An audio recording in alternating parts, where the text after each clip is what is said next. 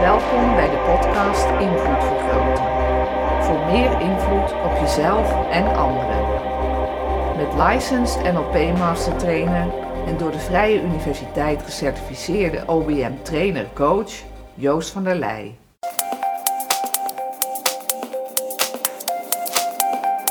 Het ABC-model. In het ABC-model staat de A voor antecedenten. Alles wat voorafgaat aan gedrag. B staat voor het Engelse behavior, dat wil zeggen het gedrag. De C staat voor consequenties, alles wat na het gedrag gebeurt. Consequenties hebben veel meer invloed op toekomstig gedrag dan antecedenten. Het klinkt natuurlijk mooi hè, als iemand zegt, eh, hij is een levensgenieter. En toch blijkt eh, dat levensgenieters een eh, grote valkuil hebben. En deze valkuil is gulzigheid. Een levensgenieter eh, die zijn gewoon heel gulzig. En het probleem met gulzigheid is natuurlijk dat het letterlijk beloond wordt met veel eten en drinken. En eten en drinken zijn materiële beloningen. En dus wanneer iemand gulzig is, heel erg van het leven houdt, graag iets eet, lekker iets drinkt, dan wordt dat gedrag direct beloond. dus als je gaat kijken met het ABC-model, dan zie je dat uh, het gedrag van gulzigheid direct positieve consequenties oplevert, namelijk eten en drinken. En dat betekent dat mensen daadwerkelijk verslaafd raken aan die gulzigheid. Maar in het geval van de levensgenieter is het niet alleen gulzigheid, letterlijke gulzigheid, van eh, ik wil lekker eten en lekker drinken, liefst uh, zoveel mogelijk. Bij levensgenieters geldt vaak uh, kwantiteit boven kwaliteit. Maar het is ook een soort gulzigheid naar het leven toe. Levensgenieters willen alles één keer meemaken. Ze worden als het ware al geboren met een bucketlist waar gewoon alles op staat. En dat betekent dat ze enorme behoefte hebben aan variatie. En dat klinkt positief opnieuw, maar opnieuw, het is ook een valkuil, omdat het weer een vorm van gulzigheid is. Want als je te veel op zoek bent naar variatie, dan krijg je het probleem dat mensen ook heel moeilijk uh, vastigheid in hun leven kunnen krijgen. En zo heb ik mijn goede vriend Koos, een type levensgenieter brein, die kwam een dag naar me toe en zei: Joost, ik heb al drie maanden dezelfde baan. En dat is typisch de houding van de levensgenieter. Dat in die gulzigheid alles mee wil maken, maar daarom veel te weinig tijd uh, geeft aan de dingen die belangrijk zijn. En als werk één ding, maar je ziet ook vaak terug in relaties dat ze zo'n attitude hebben van: ja, ik heb al drie maanden dezelfde partner. En dat is natuurlijk heel onhandig voor het opbouwen van een uh, mooi en waardevol leven. Maar het grootste probleem met die gulzigheid is dat juist omdat ze alles willen meemaken, dat ze ook alles wat negatief is in hun hoofd omkatten als het ware naar iets positiefs. Dus op het moment dat ze ellende meemaken, dan denken ze, ja oké, dat is wel naar, maar het is ook wel iets nieuws. En omdat het nieuw is, is het goed en dus positief. opnieuw geldt mijn eh, goede vriend Koos. Ik vroeg hem een keer naar een uh, naar moment. Toen zei hij, ja, die heb ik niet. Ik heb alleen maar leuke momenten. En dat is namelijk wat levensgenieters sterk doen. Doen alsof het alleen maar leuk is. En gelukkig hebben levensgenieters een soort codewoord voor problemen en ellendige momenten. Die noemen ze namelijk saai. Dus wanneer je wil weten wat er misgaat in het leven van een levensgenieter, dan is het beter om te vragen van heb je wel eens saaie momenten meegemaakt in plaats van nare momenten. En dat vroeg ik ook bij Koos en toen zei hij ja, ik had een keer een moment dat ik te weinig benzine of te weinig geld verdiende om genoeg benzine te kunnen kopen om ook thuis te kunnen komen. En dat is toch wel naar als je dan uh, je eigen auto terug moet duwen naar huis. Uh, en vooral op een goede dag gebeurde dat in de stromende regen. Dat is toch niet zo'n goede dag. Uh, maar, zei Koos, aan de andere kant is ook een soort nieuwe ervaring. Zo je auto naar huis duwen in de stromende regen. En op die manier krijg je het probleem dat mensen die te veel van het leven proberen te genieten, dat die dus veel te veel ellende accepteren en tegelijkertijd ook veel te veel bezig zijn met pleasen heel moeilijk hun eigen grenzen kunnen aangeven. En wanneer je over hun eigen grenzen heen gaat, dat ze dan als snel iets hebben van oké, nou laat ik dit maar accepteren, want het is ook weer iets nieuws, een soort nieuwe ervaring. En dat is dus een grote valkuil. En gelukkig is er ook een oplossing, dat is namelijk extreme matigheid. Nou vinden mensen die van het leven willen genieten het woord extreme matigheid ook extreem vervelend. want dat betekent letterlijk matig eten, matig drinken. Maar ook matig zijn in variaties, zoals zei. Matig zijn in de hoeveelheid banen die je wil hebben. En matig zijn in de hoeveelheid relaties die je wil hebben. Gewoon iets opbouwen voor lange tijd. Nog steeds genieten van het leven, maar met mate. En dan vooral het belangrijkste zijn om gewoon heel matig te zijn met de ellende die je accepteert. En dat levert natuurlijk op korte termijn niks op. Want dat zie je continu met deze grote valkuilen. Is dat de valkuil zelf, hè, zoals gulzigheid, op korte termijn allemaal positieve beloningen heeft. Positieve consequenties. Eten, drinken. Alleen op lange termijn uh, ja, zo'n chaotisch, onhandig leven uh, oplevert dat mensen een grote klap krijgen. Terwijl als je gaat voor extreme matigheid, dan levert het in het begin helemaal niks op. Maar uiteindelijk heb je dan je leven zo danig goed op orde en ook voor lange termijn veiliggesteld. Dat je dan uiteindelijk een veel beter leven krijgt dan dat je had gekregen met uh, gulzigheid.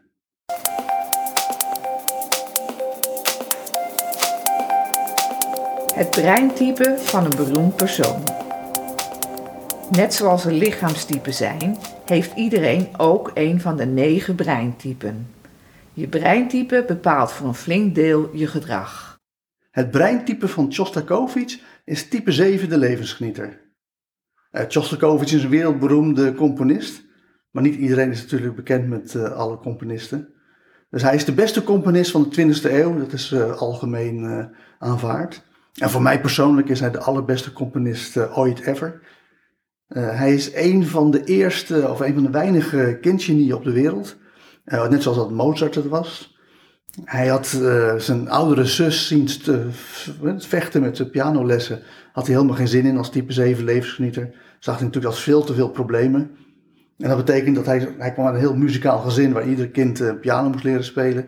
Maar hij heeft het weten uit te stellen. Ze moesten meestal vanaf een jaar of vijf dat doen. Maar hij heeft het weten uit te stellen tot zijn zevende. Maar op zijn zevende dan moest hij ook echt aan de piano geloven. En het bijzondere was dat zijn moeder dan liet zien van oké, zo speel je piano, een mooi stuk. En daarna zetten ze een simpele bladmuziek op en vroeg ze hem om het bladmuziek te spelen. Maar in plaats van dat hij de simpele muziek van het blad speelde, speelde hij gewoon na wat zijn moeder speelde. Dus zijn moeder had direct door van, hé, hey, wij hebben een van die weinige kindgenieën die op een hele vroege leeftijd al geniaal muziek kunnen spelen. Dus hij is meteen naar een uh, toppianist gestuurd om uh, piano te leren spelen. Op zijn dertiende naar het conservatorium gegaan. En juist omdat hij zo'n, hij had een soort perfect gehoor voor muziek. Als hij muziek één keer hoorde, kon hij het perfect naspelen. En op het conservatorium, daar uh, maakten ze daar misbruik van. Dan hadden ze alumni, mensen die net waren afgestudeerd, die dan een paar jaar later terugkwamen om een nieuw stuk voor te spelen, te laten horen wat ze konden doen. En de directeur van het conservatorium van Leningrad, waar Shostakovich in die tijd zat, dat was Rimsky-Korsakov, ook een beroemde componist. En die luisterde dan en die zei: Goh, ja, dat is een mooi stuk. Alleen, ja, wat heel gek is, wij hebben hier een 13-jarige student. En die heeft toevallig net uh, hetzelfde stuk gecomponeerd. Voor mij lijkt het op twee druppels water op elkaar. Uh, jongens, kom op. Uh, wie haalt even Dimitri tevoorschijn? Dimitri is de voornaam van Shostakovich. En Dimitri had eigenlijk stiekem aan de deur lopen luisteren naar het stuk. En nu deed hij, speelde hij alsof hij eh, van niks wist. Dan kwam hij binnen en toen zei dan de directeur van het consortium: Uh, Dimitri, uh, kan jij het even dat nieuwe stuk wat je vorige week gecomponeerd hebt laten horen? En dan speelde Shostakovich precies hetzelfde stuk als dat die arme man net had laten horen. Klassieke muziek componeren is zo ingewikkeld en is zo complex. En je hebt zoveel mogelijkheden, zoveel variatie dat de kans dat twee componisten precies hetzelfde stuk componeren, is echt zo extreem klein eh, dat je dat kan negeren. Uh, dus die beste man die dat zo, uh, weet ik wel, misschien al een paar jaar van zijn leven aan had gewerkt, ja, die was helemaal verbijsterd. Die had echt zoiets wat, hoe kan dit nou? Dat een dertienjarige jongen in een week precies hetzelfde componeert als ik. En daarna legde ze natuurlijk wel uit dat uh, een perfect gehoor had en direct kon naspelen. Maar dat laat me zien hoe geniaal die was met muziek maken. Hij is eh, van het consortium eh, geslaagd eh, op zijn zeventiende met zijn eerste symfonie. En in zijn eerste symfonie, daar hoor je al meteen in de muziek terug dat hij een type 7 levensgenieterbrein heeft. Want het is een soort grote dikke vinger naar de muziekwereld. Het is een soort klassieke symfonie die zo heel mooi begint, aanzwelt en dan opeens er doorheen gooit alsof iemand een scheet laat. Maar het mooie daarvan is, is dat het dus en het rebels heeft van de type 7 levensgenieter. En voor die mensen die mijn neurogrammodel kennen, wat gebaseerd is op Cybernetic Big Five Theory. En mocht je het niet kennen, ga naar neurogram.nl. Dan kun je het uh, op, de, op de plaat helemaal zien. Dan kan je zien dat type 7 levensgenieter in de hoek zit van exploratie. Maar bij exploratie hoort ook re rebelleren. Dat als je heel erg aan de regels houdt en alles precies doet uh, zoals het moet, dan kom je vooral in bekende gebieden terecht. Maar op het moment dat je op zoek bent naar onbekende gebieden, zoals levensgenieters in het algemeen doen en Shostakovich in het bijzonder in de muziekwereld heeft gedaan, dan moet je natuurlijk een soort rebel zijn die op zoek gaat naar totaal nieuwe patronen. En dat zie je ook echt terug, of althans dat hoor je echt terug in zijn muziek. Dat is ook wat mij zo aanspreekt. Maar ook als je zijn simpele stukken neemt, want Mario Zee, mijn partner, kan heel goed piano spelen. En we hebben het basisboek, dat zijn, die stukken, zijn stukken pianomuziek die Shostakovich voor zijn eigen kinderen heeft geschreven om ze te leren piano te spelen. Maar dan zegt zij ook tijdens het spelen van ja, hij doet continu doet hij noten en vingerzettingen en, en, en patronen die totaal tegenintuïtief zijn, die eigenlijk nergens anders voorkomt. En dat is ook meteen een hele belangrijke reden waarom je uh, snapt dat uh, een type 7 levensgenieterbrein heeft. Voor alle levensgenieters geldt dat ze heel moeilijk zal totaal niet aan hun uiterlijk te herkennen zijn. Ze kunnen alles uh, aan hebben wat, je maar, wat ze maar kunnen bedenken. En je kan ze wel aan het gedrag herkennen. En van Tchaikovsky heb ik talloze biografieën gelezen, omdat ik het zo'n uh, boeiende man vind. En dan zie je heel duidelijk in zijn gedrag, zie je dat terug. Je ziet het in zijn muziek terug. Hij was een hele wilde componist, hè. zoals ik al zei, de eerste symfonie, een soort dikke vinger naar de muziekwereld toe. Uh, daarna kwam hij met andere symfonieën die wat klassieker waren, maar ook met een opera. Lady Macbeth of de Metrenske District. Hij wilde een soort Ring der Nibelungen cyclus van opera's maken maar dan met een vrouw in de hoofdrol in plaats van een man. En dat is een hele wilde opera, waarbij het verhaal kortweg erop neerkomt dat er een vrouw trouwt met een rijke boer. Uh, en vervolgens gaat die rijke boer naar de, naar, de, naar de stad om handel te drijven. En hij gaat dan, zij gaat dan vreemd met uh, een knappe boerenknecht. Maar dan de, de, de vader van, zijn man, van de man, de schoonvader, dat ontdekt en uh, haar vermoord. Of nee, zij vermoordt hem, sorry, mijn, mijn fout. Uh, en dan komt ze in conflict met de politie en dan blijkt hij corrupt te zijn. En op die manier krijg je een heel wild verhaal. En dat was heel populair. Het is in de eerste paar jaar dat het opgevoerd is in de Sovjet-Unie. speelden meer dan honderd verschillende orkesten deze opera.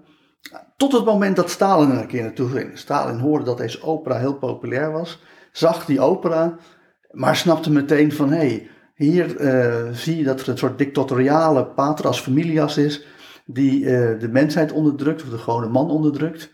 En hij zag meteen van, hé, hey, dit is een soort referentie naar mijn eigen rol als patras familias van de Sovjet-Unie. En, en hij is toen na de eerste acte is hij al boos weggelopen.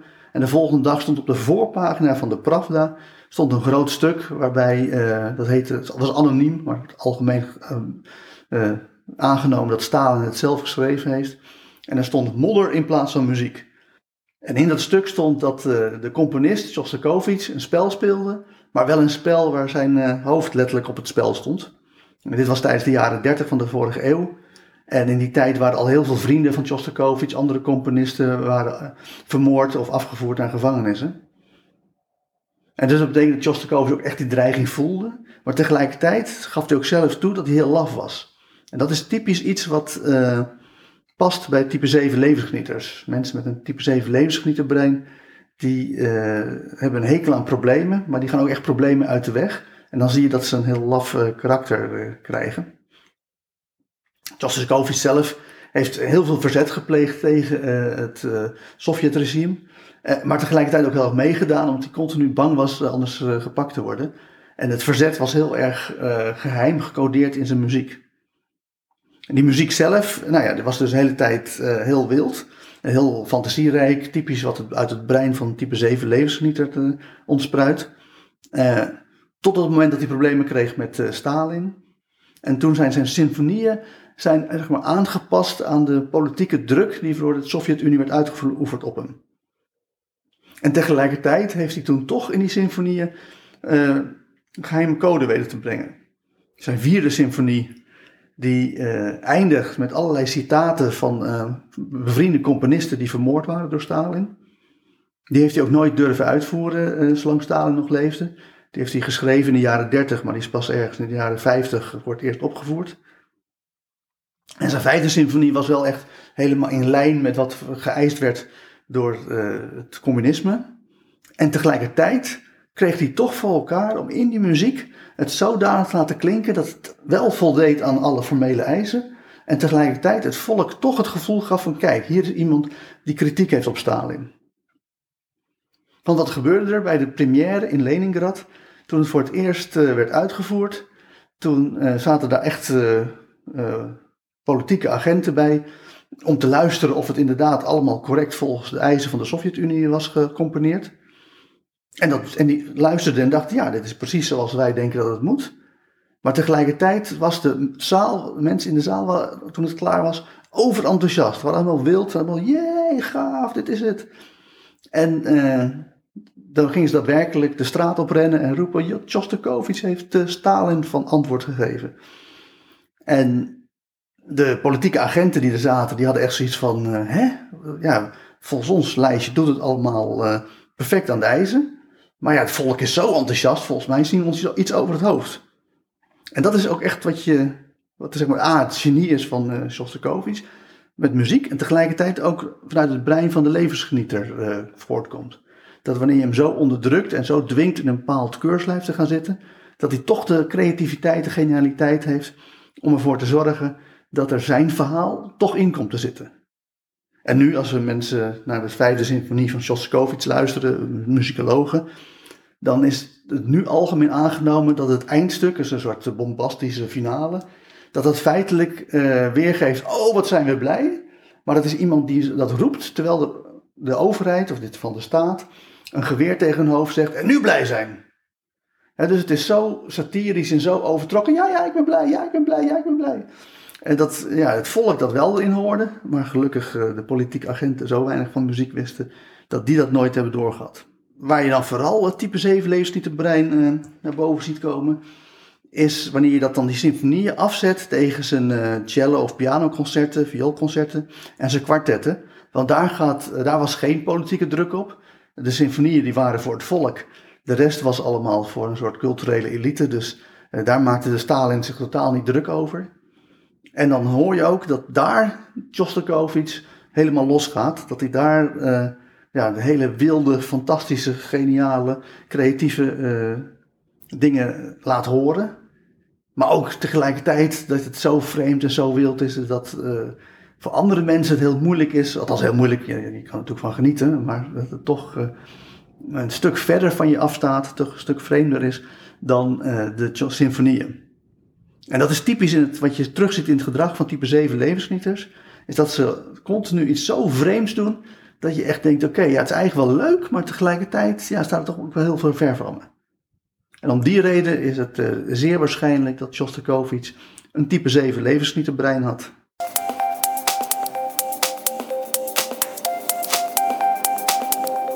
Hypnose.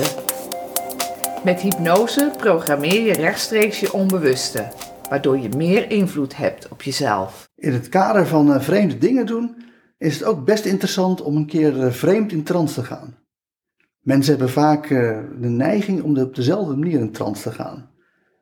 Sowieso is in trance gaan natuurlijk een bijzondere ervaring.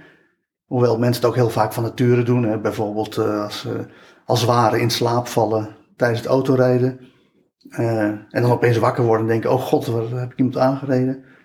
Dan ben je ook feitelijk in een trance toestand gegaan. Uh, wees gerust, je hebt niemand aangereden, anders was je al eerder wakker geworden. Maar dat betekent dat voor speciale hypnotische trances of meditatieve trances mensen vaak uh, dat uh, moeten leren. Bijvoorbeeld in training. In mijn NLP practitioner en de master practitioner, daar leren we mensen om in hypnose en in trance te gaan. dus mocht je het interessant vinden om dat te leren, kijk gerust op joostvandelij.nl om uh, te kijken wanneer de eerstvolgende opleidingen beginnen.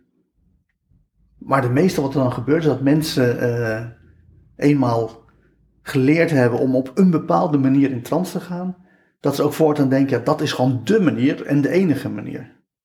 Maar gelukkig is daar geen sprake van. Er zijn duizenden één manieren om in trance te gaan. En het is ook echt best handig om eh, jezelf te trainen wanneer je eenmaal in staat bent om op een, op, een, manier in trance te gaan, om op andere manieren in trance te gaan. En bijvoorbeeld waarvoor het heel belangrijk is, is voor coaches en voor trainers.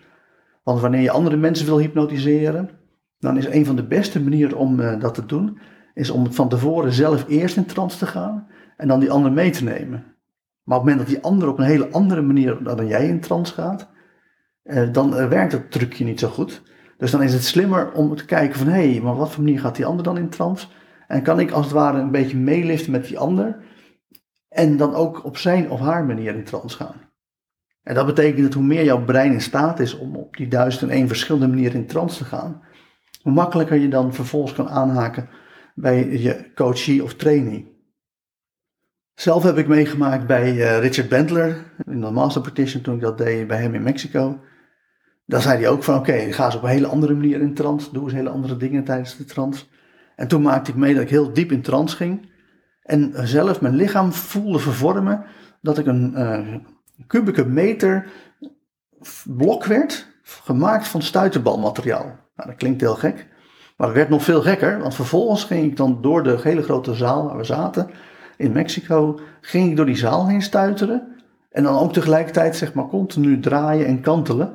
En ik zag continu nog steeds vanuit het eerste persoonsperspectief hoe dat eruit zag. Dus ik zag mijn gekke kubusvormige stuiterballichaam en tegelijkertijd hoe ik al continu aan alle kanten door die zaal aan het heen stuiteren was en continu aan het draaien. Dat soort vreemde dingen kunnen er gebeuren wanneer je in trance gaat. En hoe meer je brein openstelt om op een plezierige, aangename, relaxte manier hele andere ervaringen op te doen, hoe makkelijker het ook is om aan te haken bij eh, cliënten, coaches, trainees, die een heel andere beleveniswereld hebben dan jij. Dus dat gaan we nu doen. We gaan op een gekke, vreemde manier in trance. Daarvoor ga ik iets gebruiken dat heet pivot grammar. Uh, dat is een soort taaltje die je vroeger sprak toen je nog amper kon spreken. En dat is niet voor iedereen, uh, dus mocht je dat heel irritant vinden uh, of nog niet genoeg training in trance hebben om er relaxed mee om te gaan, luister dan naar aflevering 1 van de podcast Invloed Vergroten of aflevering 13. Die hebben allebei hele relaxed, ontspannen basismanieren om in trance te gaan. En niet uh, zulke gekke dingen als dat ik nu ga doen. Dus luister, luister dus naar wat, wat naar ik ga zeggen. Zeggen ga ik. Doe je ogen, ogen doe je lekker dicht, dicht lekker. En ontspan, ontspan. En luister meer, meer luisteren naar mijn stem. Stem mij naar. Want hoe, hoe, want je meer, meer je diep ontspant, ontspan diep, hoe beter, beter dan je leert, leer je om anders, anders dan normaal te transen. Trans, anders dan normaal. Door diepe ontspanning, ontspanning diepe, in je te halen, haal het in je en helemaal, helemaal en diep weg te zakken, weg te zakken diep in een diepe trance trans. Diep. En dat gaat snel, snel gaat het, of langzaam, langzaam of, maar of, of maar je langzaam gaat, ga langzaam, of snel, snel of, hoe meer, meer, hoe je luistert, luister je naar je, naar je, naar eigen ontspanning, ontspan zelf, dan merk je, je merkt dat je diep ontspant ontspan diep. En terwijl je, terwijl en je zo, zo je diep ontspant, ontspan diep, ga je, je gaat eens kijken, kijk eens hoe vreemd, vreemd het kan worden, worden kan, in je, je, in eigen trans, trans zelf. Want ik, ik, want weet niet, niet weten, hoeveel, veel, hoe Jij kan, kan jij hallucineren. Hallucineren. Lukt het, het lukt om dingen, dingen om voor te stellen. Stel je voor, prachtige wezens, wezens prachtig, mooie dingen, dingen mooi, leuke ervaringen, ervaring leuke, om je heen, heen om je. Lukt het, het lukt, om te horen, horen te, geluiden die nergens, nergens die geluiden er zijn. Ze zijn er. Zodat je je zodat zowel visuele, visuele zowel hallucinaties hebt, heb hallucinaties, als ook, ook als auditieve hallucinaties, hallucinaties auditief die je hoort. Hoor je die? Zodat je ziet, zie ze en hoort, hoor en wat er niet is, is niet. Want hoe, hoe, want je dat doet, doe dat, dan merk je, je merkt hoe vreemd en vreemd hoe de trances, trances, hoe kunnen worden, worden kunnen. En daarmee, daarmee en, vergroot je, je vergroot de capaciteit, capaciteit de, van je brein, brein van jou. Waarmee je mee, daarmee vervolgens makkelijk, makkelijk vervolgens meer en beter, beter en meer kan meegaan, meegaan met de cliënt, de coachie, de trainee, trainee, coachie en cliënt. In hun, hun in, eigen belevingswereld, beleveniswereld eigen. Kortom, hoe, hoe kortom, je op, op je, deze manier, manier deze, heel veel, veel, heel leert van, van leert type trans, transtype, hoe meer en, en hoe meer het makkelijk is, makkelijk is om te hallucineren, hallucineren wat voor jou handig is, handig is voor jou. Soms helpt het, helpt het soms om dingen, dingen om te zien, zien te, die er niet zijn, zijn er niet. Soms helpt het, helpt het soms, om iets te, te iets, te horen, horen te, wat er niet is, is er niet. En wanneer dat, dat wanneer voor jou, jou voor het geval is, is het geval, dan gebruik je, gebruik je het meer dan eerder, eerder dan meer. Vandaag, vandaag. Andersom geldt ook, ook andersom geldt, dat het prima is, is ook prima om soms, soms om dingen niet te zien, zien dingen niet, die er wel zijn, zijn er wel. Of dingen niet te horen, horen niet wat er wel is, is er wel. Dat is, is dat negatieve hallucinaties. Hallucinaties negatief. Zowel het vermogen, vermogen zowel om te zien wat er niet is, is er niet, zien we wel. Om te horen wat er niet is, is er niet, horen we wel. En het vermogen, vermogen en, om niet te zien, zie het niet wat er wel is, is er wel. En niet te horen, hoor het niet. Wat er wel is, is er wel. Zorg ervoor, ervoor zorgt dat je brein, brein je, veel meer kan. Je kan veel meer. En met die gedachte gaat het vijf tellen. Bij vijf open je ogen, word je helemaal wakker. Eén, je hoort mijn stem. Twee, je voelt jezelf in de stoel zitten. Drie, je komt weer terug naar de ruimte waar je bent. Vier, open je ogen als je die dicht had. En vijf, word wakker, wakker, wakker, wakker, wakker, wakker. Word wakker en zorg dat de hele wereld weer normaal is. Dank voor het beluisteren van de podcast Invloed Vergroten. Voor meer gratis tools om je invloed te vergroten, ga naar invloedvergroten.nl.